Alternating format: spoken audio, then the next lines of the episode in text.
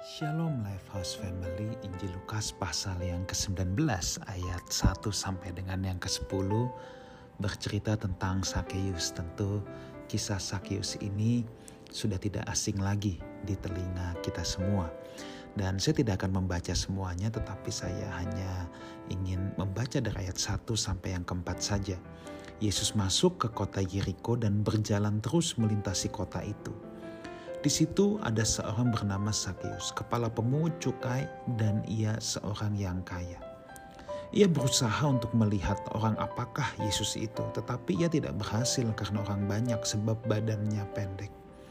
Maka berlarilah ia mendahului orang banyak, lalu memanjat pohon ara untuk melihat Yesus yang akan lewat di situ. Nah, saudara, Tentunya ada banyak hal yang bisa kita pelajari dari kisah Sakyus ini, tetapi pada kesempatan ini saya ingin mengajak kita semua merenungkan satu perkara saja, bahwa Sakyus memang punya keterbatasan, yaitu Alkitab katakan badannya pendek dan di sana sudah berdesak-desakan ya.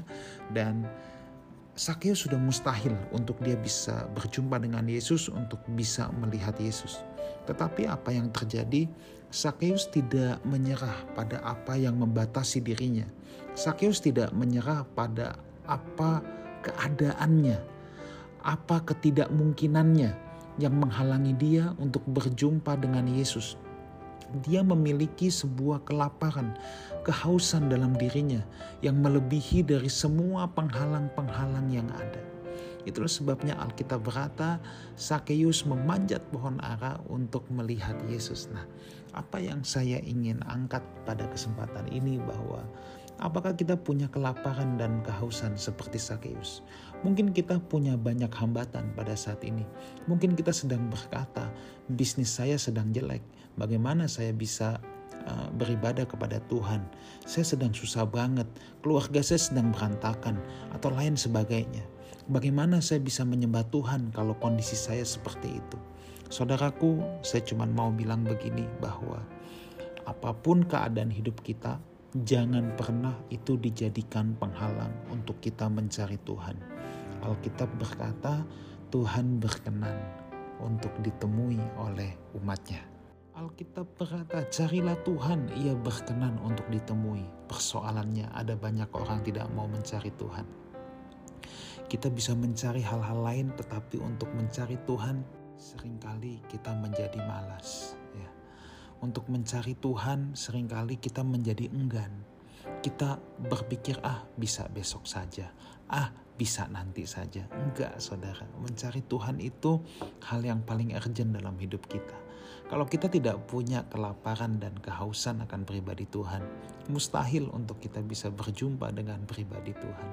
Lapar dan haus adalah sebuah hal yang wajib yang harus kita miliki. Tetapi tentunya kalau saudara berpikir bahwa berjumpa dengan Tuhan itu adalah peristiwa mistis, tentu tidak, saudaraku ya, tentu tidak. Berjumpa dengan Tuhan itu adalah suatu hal yang nyata dengan realitas yang ada dalam diri kita. Kita menyadari, kita belajar selalu menyadari bahwa Tuhan ada di dalam kita. Christ in you the hope of glory demikian kitab Kolose menulisnya. Jadi kita ingat terus bahwa Tuhan ada di dalam kita dengan mencari Tuhan kita bersekutu dengan uh, saudara-saudara seiman dengan orang percaya kita punya jam doa kita punya jam merenung kita punya jam baca Alkitab dan di situ saya percaya setiap kita akan menjumpai pribadi Tuhan. Ingat sekali lagi jangan jadikan apa pun kondisi hidup kita menjadi penghalang untuk kita menjumpai Tuhan. Kiranya Tuhan Yesus menyertai kita semua. Amin.